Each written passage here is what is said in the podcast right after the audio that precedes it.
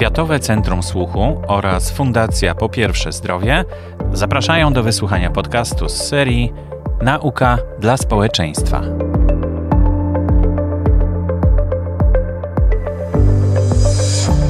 Witam serdecznie w kolejnym odcinku podcastu z serii Nauka dla społeczeństwa. Dzisiaj jestem w Kajetanach, żeby się spotkać z panią profesor Danutą Raj-Koziak. Będziemy rozmawiać o szumach usznych. Temat już poruszaliśmy w naszych podcastach wcześniej, ale dzisiaj opowiemy e, o tym, że mm, to jest e, zjawisko, którym zajmuje się różne dyscypliny naukowe i medyczne. Tak, to prawda. Rzeczywiście szumy uszne są problemem takim interdyscyplinarnym, aczkolwiek lekarzem, do którego pacjent zgłasza się po raz pierwszy z problemem szumów, jest zwykle lekarz laryngolog albo audiolog, no bo tą, tę dolegliwość pacjent odczuwa najczęściej w uchu albo obu uszach, no więc naturalną koleją rzeczy jest to, że się pojawia u laryngologa czy audiologa tak się rzeczywiście dzieje, że szumy najczęściej są generowane właśnie w układzie słuchowym. Natomiast ta interdyscyplinarność polega na tym, że istnieją pewne rodzaje szumów, które mogą powstawać poza układem słuchowym i takim przykładem szumów mogą być szumy, które mogą być mm, wynikiem zmian w stawach skroniowo-żuchwowych i wtedy konieczna będzie konsultacja no, chirurga szczękowego, czyli wizyta pacjenta w poradni stawu skroniowo-żuchwowego, który być może wdrażając leczenie spowoduje no, całkowitą eliminację problemu. Podobnie może zdarzyć się tak, że u pacjenta te szumy będą związane z jakimiś zmianami w obrębie kręgosłupa szyjnego i to wtedy dopytujemy, czy ruchy głowy na boki, czy skręty głowy, czy zaciskanie zębów, czy tam jakiś ucisk w jakąś okolicę głowy będzie powodował ich nasilenie i wtedy ta zależność szumów od takich ruchów głowy też sugeruje, że być może to miejsce powstawania jest poza układem słuchowym albo może być podwójne, że owszem w układzie słuchowym, ale jeszcze może być wzmacniane jakąś tam stymulacją pozasłuchową. No i wtedy oczywiście wskazana jest konsultacja w takiej poradni rehabilitacyjnej, żeby problem zdiagnozować i zlecić e, takie postępowanie rehabilitacyjne. Czyli rozumiem, że to są takie szumy, które są y, wywoływane przez jakieś tarcie kości, tak? Czy to są pobudzane to są takie fizyczne, miejsca, tak, takie tak zwane takie trigger points, to się po angielsku nazywa, czyli takie miejsca, które są w jakiś sposób drażnione i one przekazują ten impuls do, do drogi słuchowej, czyli mimo tego, że ich generacja jest poza układem słuchowym, a my je finalnie słyszymy w uszach. Mhm. Czy możemy przypomnieć, e, jakie są rodzaje tych szumów usznych? Ja jeszcze tylko powiem mhm. o tym, że te szumy, które są generowane poza e, układem słuchowym to są tak zwane szumy uszne somatosensoryczne. I tutaj rzeczywiście ta współpraca z, z chirurgiem szczękowym czy z fizjoterapeutą, który może być bardzo tutaj przydatny i, i pomocny dla pacjenta w eliminacji tego problemu, no jest teraz w zasadzie podstawą. Już, już nie wyobrażam sobie, żeby o to nie dopytać pacjenta. Ale no nie jest jeden rodzaj szumów, które powstają poza układem słuchowym. Szumy o charakterze pulsującym, czyli takie pulsowanie zgodne z akcją serca. To jest również szum, który może powstawać w naczyniach, tak? a my możemy to słyszeć.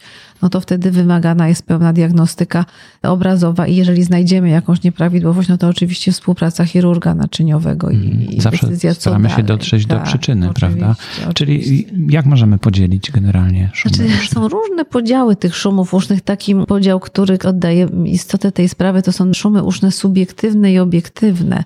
Subiektywne to są takie, gdzie słyszy je tylko i wyłącznie pacjent. Czyli na tym polega problem, że słyszy je pacjent i nikt z nas nie jest w stanie ich w żaden sposób wybadać, czyli przykładając ucho do ucha pacjenta, jakiś, no nie wiem, stetoskop, czy innymi narzędziami, nie jesteśmy w stanie tego wysłyszeć. Ani zmierzyć jego głośności. Ani zmierzyć. I stąd wynika cały problem, bo nikt z nas nie jest się w stanie zidentyfikować z tym cierpieniem, które pacjent podaje, które jest wynikiem odczuwanych szumów usznych, no bo pacjent słyszy coś, mówi o czymś, czego nikt z nas nie doświadcza, no chyba, że że osoba diagnozująca też ma ten problem, wtedy jest mu na pewno łatwiej zrozumieć pacjenta.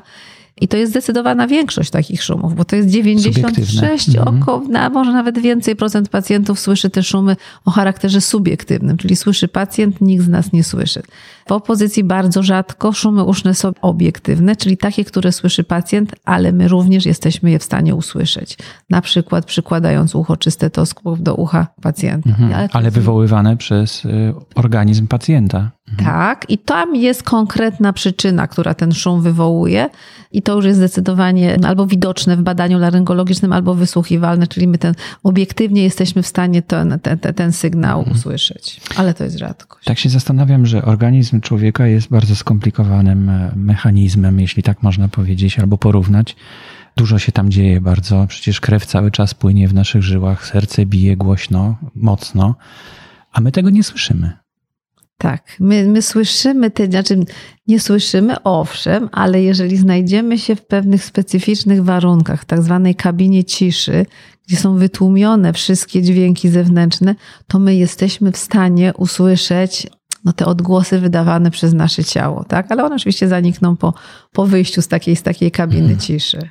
Czyli taka deprywacja słuchu, tak to się nazywa? Odcinamy się od bodźców, które mhm. potencjalnie nam maskują słyszenie tych naszych dźwięków generowanych przez organizm. W momencie, jeżeli znajdujemy się w tej sytuacji całk idealnej ciszy, bo to jest kabina ciszy, gdzie wszystkie bodźce zewnętrzne są wyciszone, no to zaczynamy się wsłuchiwać we własne ciało i zaczynamy na przykład słyszeć tak, mhm. no, czy jakieś inne dźwięki. Ja się zastanawiałem, czy w takiej kabinie to właśnie te szumy uszne nie będą zaczynały mm, tutaj grać głównej roli no, y, dźwięku. Jak zwykle, no bo w szumy kiedy najbardziej dokuczają, to każdy pacjent powie w sytuacji ciszy, no to jeżeli generujemy taką sztuczną ciszę, no to one będą bardzo wyraźnie słyszalne.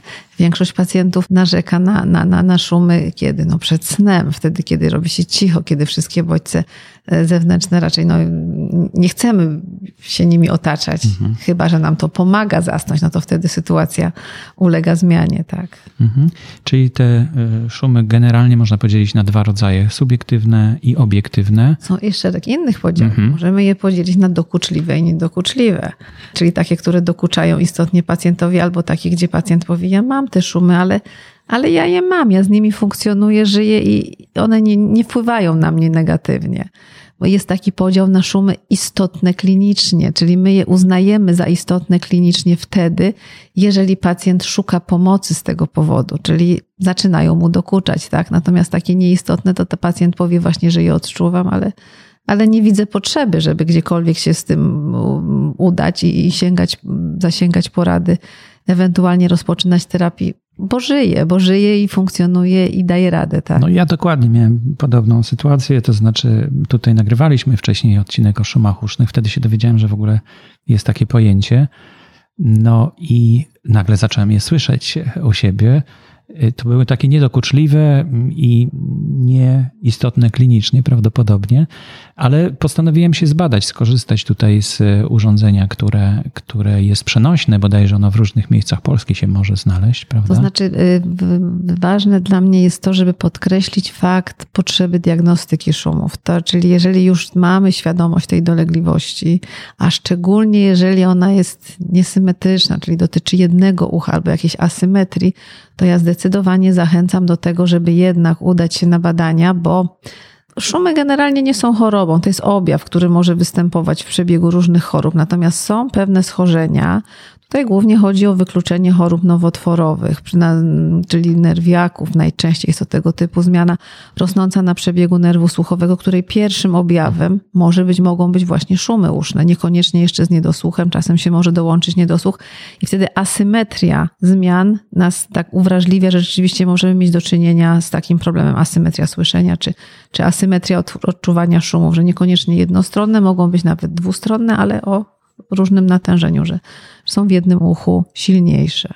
Y, byłem w takiej kapsule ciszy, chyba to się tak nazywa, czy... Kabinie audiometrycznej Kabinie. Mhm. tak? I okazało się, że ten poziom szumów, które ja odczuwam, y, jest tak słaby, że właściwie nie jest diagnozowany, tak? To znaczy... To nie jest tak do końca, bo y, to natężenie szumów, które my mierzymy u pacjentów, to ja tak z doświadczenia mogę powiedzieć, że się mieści najczęściej w zakresie między 5 a 15 decybeli, powyżej progu słyszenia. Czyli tak odnosząc to do dźwięków, porównując do dźwięków zewnętrznych, on, to, to jest relatywnie cichy dźwięk. Natomiast to się nijak ma do tego, jak te szumy potrafią dokuczyć. Czyli tutaj jest istotne to, jak bardzo one wpływają negatywnie na, na funkcjonowanie pacjenta, i to jest ten wykładnik, ten czynnik, który będzie powodował, że pacjent cierpi z powodu szumów i przyjdzie do nas i będzie, będzie prosił, potrzebował porady i wdrożenia jakiegoś, jakiejś terapii, no, mhm. żeby dalej móc funkcjonować. No tak, dla niektórych to jest to bardzo subiektywne jest właśnie, prawda? Jest bardzo dokuczliwe i potrafi bardzo, bardzo negatywnie negatywnie wpłynąć na funkcjonowanie pacjenta. W związku z tym, że to jest w większości dolegliwość subiektywna, no to oczywiście próbujemy się zorientować na podstawie wywiadu, jaki wpływ mają szumy na pacjenta, ale mamy też takie narzędzia, to są kwestionariusze specjalnie opracowane, gdzie pytamy pacjenta, są takie wystandaryzowane pytania, gdzie my pytamy pacjenta o dokuczliwość szumów, że o różne sytuacje, w jakich się znajduje i zliczając punkty z tego kwestionariusza, możemy sobie ocenić, e, jaki jest wpływ na funkcjonowanie pacjenta. I te bardzo wysokie wartości kwestionariusza one jednoznacznie wskazują na to, że ten pacjent cierpi, że mogą szumom towarzyszyć zaburzenia lękowe, depresyjne i tutaj taki pacjent zdecydowanie będzie wymagał naszej pomocy, czyli laryngologicznej czy audiologicznej, ale czasem również wizyty w gabinecie psychiatrycznym i włączenia leków, takich, które ten poziom lęku obniżą, czy, czy będą pomogły no, powalczyć z depresją, która może się też przyłączyć równolegle współwystępować z szumami, albo nawet szumy mogą być tym czynnikiem sprawczym, wywołującym mhm. depresję. Czyli to jest konsekwencja tych szumów. Może tak być. Nie u każdego mhm. pacjenta, ale tak się dzieje. No jasne, mówiła Pani o chorobach, które mogą być przyczyną szumów usznych. Jakie to są nowotwory? Ja tak? Generalnie ten problem rozdzieliła i bym powiedziała, że mogą to być schorzenia stricte uszu, czyli takie jak na przykład otoskleroza, czyli taki stan, w którym pacjent zaczyna stopniowo coraz gorzej słyszeć. Może być choroba Meniera, czyli to jest też postępujący niedosług z szumami i z takimi atakami zawrotów głowy.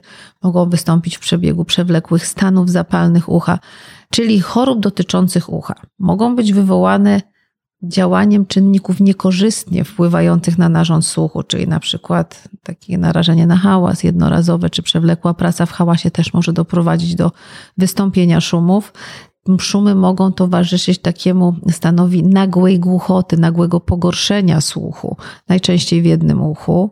To wymaga takiego dosyć szybkiego zaopatrzenia farmakologicznego.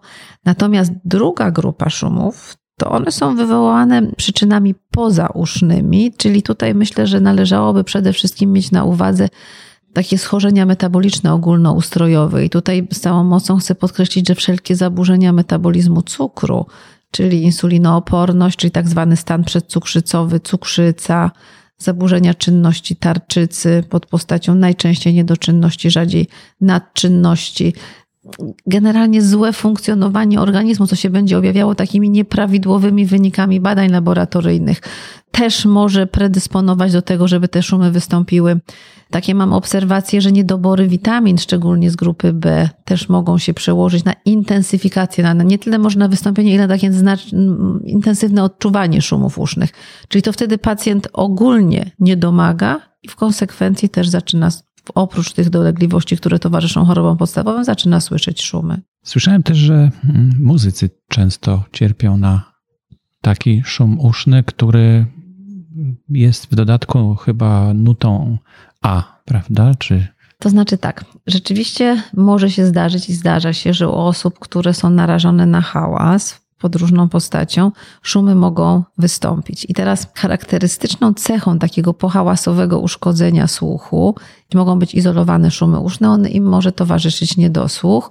I ten niedosłuch najczęściej jest dla charakterystycznej częstotliwości 4 kHz. To jest charakterystyczna częstotliwość dla pohałasowych uszkodzeń słuchu. I w momencie, jak oceniamy parametry szumu, to często się zdarza, że ta charakterystyka szumu jest właśnie w tym zakresie tej, tej częstotliwości najgorzej odbieranej przez pacjenta. Czyli to będzie, jeżeli pohałasowe, no to spodziewamy się w zakresie tam 3 do 4, nawet do 6 kHz. Mhm. Słyszymy tak? do 20 kHz. E, tak, to standardowo, znaczy... ocen... tak, standardowo oceniamy to słyszenie do 8 kHz, natomiast rzeczywiście ja rozszerzam tę diagnostykę i u pacjentów, u których wynik pacjenta badania słuchu jest prawidłowy, rozszerzam to do zakresu 20 kHz tam nie zawsze są uszkodzenia. Czasem jest tak, no to bardzo indywidualnie to jest zmienne. To jest jeszcze temat, który nie jest do końca rozpracowany, ponieważ nie ma norm ustalonych dla tych częstotliwości wysokich, ale niemniej jest to badanie informatywne i na ostatnim Kongresie Światowym Szumów Usznych było rekomendowane, żeby jednak tę diagnostykę poszerzać o audiometrię tonalną wysokich. Mhm. Tak, tak. No szczególnie pewnie w stosunku do młodych ludzi, bo tak, starsi ludzie tak, już tych tak. wysokich częstotliwości nie słyszą. Są obniżone i wtedy należy oczekiwać, że w tym bardzo wysokim zakresie też.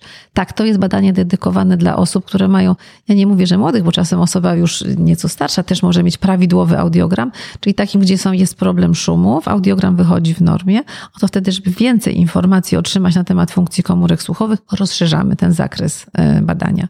To nie jest badanie ogólnie dostępne, to nie wszystkie jednostki dysponują takimi e, możliwościami. My na szczęście w Instytucie mamy takie audiometry i, i ja to badanie wdrożyłam i, jest, i, i stosuję. Mhm, I przynosi jakieś efekty, tak? No tak, bo ono mi jest w stanie powiedzieć właśnie wtedy, jeżeli wszystko wychodzi dobrze, to ja sobie roz, rozszerzając ten zakres słyszenia, mam wgląd w, w, ocenę funkcji komórek słuchowych w tym wyższym zakresie. No i tam się nierzadko okazuje rzeczywiście, że jest, że jest gorzej. I to właśnie mhm. w tym wysokim zakresie częstotliwości jest to uszkodzenie. Dobrze, jeszcze chciałem zapytać, e, jakie są metody leczenia w takim razie? No bo tak, mamy, mamy tak. te dwa rodzaje, głównie subiektywne, obiektywne. W takim razie, jakie metody stosuje się, żeby, żeby to wyleczyć? Czy to w ogóle da się wyleczyć? To znaczy tak, jeżeli mamy szumy obiektywne, no to jeżeli potrafimy znaleźć przyczynę, no to jest leczenie no tak. przyczynowe, mhm. czyli próbujemy usunąć przyczynę, która szum spowodowała. Jeżeli szumom towarzyszą zaburzenia lękowe i depresje, no to oczywiście jest to wskazanie do zastosowania leków przeciwlękowych i przeciwdepresyjnych. One też potrafią bardzo korzystnie wpłynąć i zmniejszyć ten efekt odczuwania szumów. Natomiast jeżeli mamy takie szumy subiektywne, gdzie no mamy szum, wiemy, że są jakieś uszkodzenia, bo tutaj mm, no niestety muszę rozwiać może nadzieję pacjentów, którzy oczekują na jakiś cudowny lek, czegoś takiego nie ma. Jest dużo preparatów, które są polecane jako korzystne w terapii szumów usznych. Niestety no nie ma badań klinicznych, które by jednoznacznie potwierdziły skuteczność leków, czyli w takich rekomendacjach europejskich, którymi my się posługujemy, posiłkujemy, y, jednoznacznie jest powiedziane, że nie ma skutecznego leczenia farmakologicznego w celu eliminacji szumów usznych.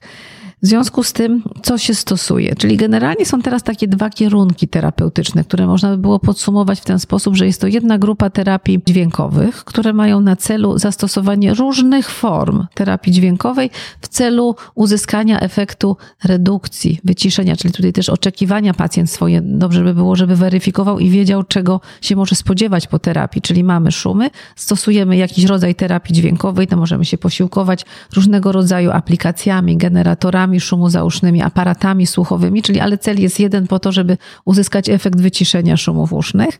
Natomiast druga grupa terapii to są metody elektrostymulacyjne i tutaj są dwie metody. Jedna to jest taka, że stymuluje się skrawek ucha, a konkretnie nerw błędny, w celu jak gdyby zmiany tych nieprawidłowych wyładowań w mózgu, które powodują szumy, przy równoczesnej stymulacji ucha dźwiękiem.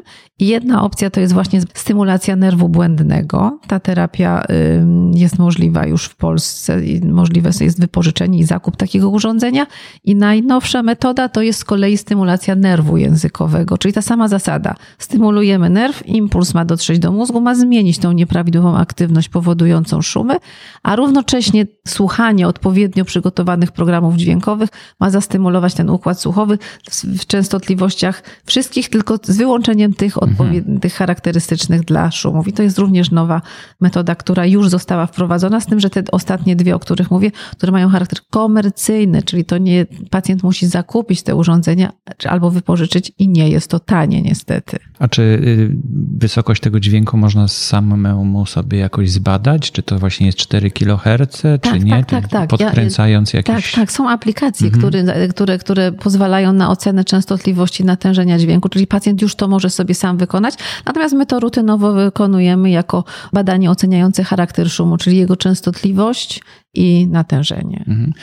Mamy aparat słuchu, który jest takim e, urządzeniem, można powiedzieć, w naszym organizmie, który ma pewnie jakąś czułość, prawda? Oczywiście no, nie słyszymy dalekich dźwięków, e, nie słyszymy ultradźwięków, nie słyszymy infradźwięków. Mm, ma pewnie też e, czułość, jeśli chodzi o głośność, prawda? I jak się bardzo wsłuchujemy, to pewnie te szumy każdy usłyszy, nawet zdrowy człowiek. Nie, myślę, że nie. Że to jest, że, że to jest patologiczna aktywność układu słuchowego, jest, y, jest odbierana jako szumy uszne. Zdrowa osoba słyszeć w ciszy, słyszy ciszę. Natomiast faktycznie może być tak, że na przykład ktoś od dzieciństwa odczuwa szumy uszne, ale skoro to odczuwa od dzieciństwa, to, to temu dziecku się wydaje, że to jest norma. To jest jego przykład, środowisko. Jeżeli, mhm. Tak, albo na przykład, że jeżeli ktoś w rodzinie ma szumy i mówi o tych szumach i to dziecko również odczuwa szumy, to ono nie będzie tego traktowało jako problemu, bo mu się będzie wydawało, że to jest problem, że to jest, że to jest naturalna sprawa słyszeć szumy uszne. Natomiast zdecydowanie nie. Osoba zdrowa w ciszy słyszy ciszę, nie słyszy szumów usznych. Mhm. Czyli jeśli nie słyszymy ciszy, w ciszy, tak, to tak. należy już e, tutaj pomyśleć. zastanowić się, pomyśleć e, i do kogo się udać? Do laryngologa pewnie, tak? To tak, zdecydowanie tak, aczkolwiek y, warto też zawsze, y, wydaje mi się, udać się po poradę do lekarza pierwszego kontaktu, dlatego że szumy mogą być wynikiem objawów ubocznych stosowanych leków. I tutaj też warto pod tym względem porozmawiać ze swoim lekarzem, czy na przykład statyny są takimi, to są leki zapisywane z powodu zaburzonej gospodarki cholesterolem. One w swoich objawach ubocznych mogą nasilać albo wywoływać szumy uszne. Ale to w ulotce znajdziemy, że tak, są Tak, tak, nie zawsze chcemy, bo te, te ulotki, one są bardzo takie rozbudowane i nie zawsze tam jesteśmy w stanie to wychwycić, ale na to trzeba zwrócić uwagę jak najbardziej. Czyli w ulotce przeczytać, czy, czy właśnie te szumy tak, nie są przeciwwskazań, znaczy o objawach ubocznych, tak, możliwych. Mm -hmm. Wtedy można zmienić lek ewentualnie. No najlepiej, pewnie. najlepiej. Nie wolno brać leku, który zamiast pomagać, to jeszcze coś tam dodatkowo powoduje dodatkowe dolegliwości. No, no właśnie, ale może leczy inne rzeczy, a no, taka ale drobna bilans, dolegliwość. Bilans zysków i strat musi no tak, czas właśnie. kalkulować, no, no, jest ten, to tego warte. Czyli to subiektywnie znowu oceniamy. Oczywiście, jest zawsze subiektywnie. Z czym nam się tak, tak wygodniej tak, żyje, tak. czy z szumami, czy z tą chorobą, którą leczy ten lek. Tak? Ale najczęściej jest możliwość zmiany leku. To, to rzadko kiedy jest tak, że, że, że nie mamy alternatywy. A mówiła Pani też o witaminach, czy o niedoborze witamin, tak, który tak, może spowodować szumy uszne. Witaminy z grupy B. Mhm. To są ważne witaminy z punktu widzenia układu nerwowego. One są ważne i niedobory, a one są powszechne. Im jesteśmy starsi, tym te niedobory, szczególnie B12, są częstsze. No, no teraz też tak. na dietach wegańskich bodajże no jest tak. kłopot o, z witaminą kolejny, B12. Tak, tak mhm. to jest kolejny problem. Weganie są mocno niedoborowi, rzeczywiście też u nich może być ten problem, także warto badać. I, i B12 i D3 to jest druga równie ważna Czyli witamina. przy okazji badania krwi poprosić również o poziom B12 na D3, przykład i D3. I D3. Tak. Tak. I wtedy wiemy, czy należy suplementować, w razie, czy nie. W razie niedoborów konieczna jest suplementacja, tak. To się może przełożyć u części pacjentów bardzo, ale to bardzo korzystnie na efekt wyciszenia szumu, szczególnie osób starszych. Poziom witaminy D3 to latem jest inny w organizmie pewnie niż zimą. No tak, bo to tylko, no, bierze no, się tak, ze słońca. No, tak, tak, bo tak mówimy ze słońca, ale tak potem jak tak człowiek spojrzy na siebie, to w tym słońcu to się niewiele przebywa i jak ktoś ma niskie poziomy, to nawet tym latem trzeba brać tą witaminę w moim odczuciu. Monitorować i patrzeć, jak to się mhm. zmienia. Czy jakieś jeszcze witaminy powinniśmy monitorować w ten sposób? To wszystko zależy od dolegliwości. Tak trudno taką jedną receptę no tak, podać. Oczywiście. To zależy od dolegliwości, tak. Jakby się chciało no, mieć tą tak, jedną receptę oczywiście. na wszystko i jeden lek na wszystko aha, najlepiej, aha. żeby tabletkę połknąć i problem znika, o, prawda? Oczek- takie są oczekiwania każdego pacjenta, no ale trudno się dziwić, tak. No, medycyna idzie ciągle naprzód. Może to niekoniecznie będą tabletki, ale jakiś inny sposób no, leczenia. Te terapie te dźwiękowe, stymulacyjne mhm. pokazują, że to jest alternatywna metoda proponowana, nie no farmakoterapia. Właśnie, może wróćmy do tego. Pani powiedziała, że najpierw badamy, jaka wysokość tego szumu, czyli w jakich częstotliwościach ten szum się pojawia, czyli pacjent sam subiektywnie może to ocenić, że na przykład o, to jest ten dźwięk, który teraz słyszę, jak włączam e, aplikację no i w związku z tym e, potem, żeby te szumy obniżyć, to stosuje się wszystkie inne częstotliwości z wyjątkiem tej, tak? Nie, to nie jest tak do końca. E, ta, ta ocena charakterystyki szumu, ona nie ma znaczenia diagnostycznego. To znaczy, to jest badanie, które nam jest pomocne do tego, żeby próbować zastanowić, czy jak zastosujemy aparat, jakie pasmo wzmocnienia, czy nam to obejmie tą częstotliwość szumów, czy nie. Natomiast diagnostycznego znaczenia to specjalnie nie ma. Jedynie w tej terapii właśnie, w której stymulujemy gałązkę uszną, lewego nerwu błędnego, tu jest tutaj ważne, bo tutaj wycinamy tą częstotliwość terapii, ale to jest tej jednej terapii. Natomiast we wszystkich innych terapiach raczej, jeżeli y, posługujemy się dźwiękiem, to, to chodzi o to, żeby to był dźwięk odpowiednik szumu białego, czyli obejmujący szerokie pasmo częstotliwości. Natomiast w tej jednej terapii tam rzeczywiście tą częstotliwość szumów usznych wycinamy. Dźwięk y, to jest coś, czego nie możemy wyłączyć, bo oczy możemy zamknąć, prawda? Tak, tak. No możemy, możemy, no, możemy oddychać. włączyć to tło dźwiękowe otoczenia i wtedy, jeżeli podwyższamy to tło dźwiękowe otoczenia, no to wtedy te szumy się jak gdyby zanurzają w tym, one nie są tak, nie, nie są na pierwszym planie, czyli one są wtedy wyciszone. To jest właśnie taki najprostsza forma terapii, czyli aplikacja podanymi nam różnymi propozycjami dźwięków, najczęściej dźwięków natury, które rekomendujemy, żeby za, zastosować sobie właśnie w sytuacji ciszy. No dużo jest teraz takich e, Dużo, jest filmów dużo. Tak, na tak, YouTubie, tak, na tak, przykład, tak. które na 8 godzin można sobie włączyć podczas snu. Tak, aplikacje też ze Mhm. stoperem do wyłączenia. Czyli to taka terapia własna jest przez Panią polecana, żeby... No tak, no to, to zawsze jest tak, że pacjent pracuje sam pod, po, pod dyktando i, i zgodnie z zaleceniami, które tam weryfikujemy w czasie trwania terapii.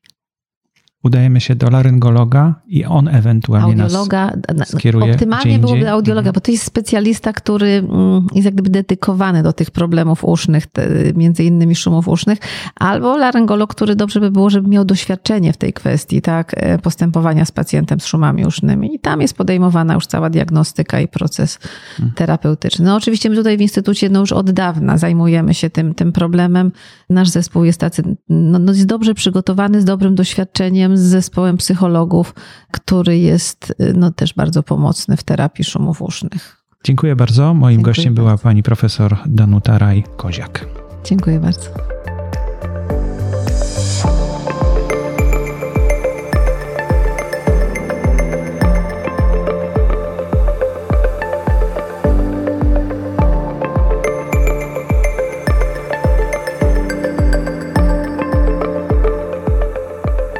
To był odcinek podcastu Nauka dla społeczeństwa. Zapraszamy do kontaktu poprzez e-maila mam pytanie małpa ifps.org.pl Prezentowanych informacji o charakterze medycznym nie należy traktować jako wytycznych postępowania medycznego w stosunku do każdego pacjenta.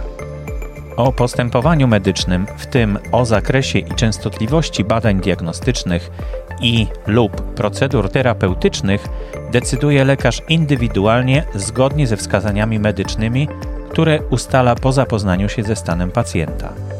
Lekarz podejmuje decyzję w porozumieniu z pacjentem. W przypadku chęci realizacji badań nieobjętych wskazaniami lekarskimi, pacjent ma możliwość ich odpłatnego wykonania.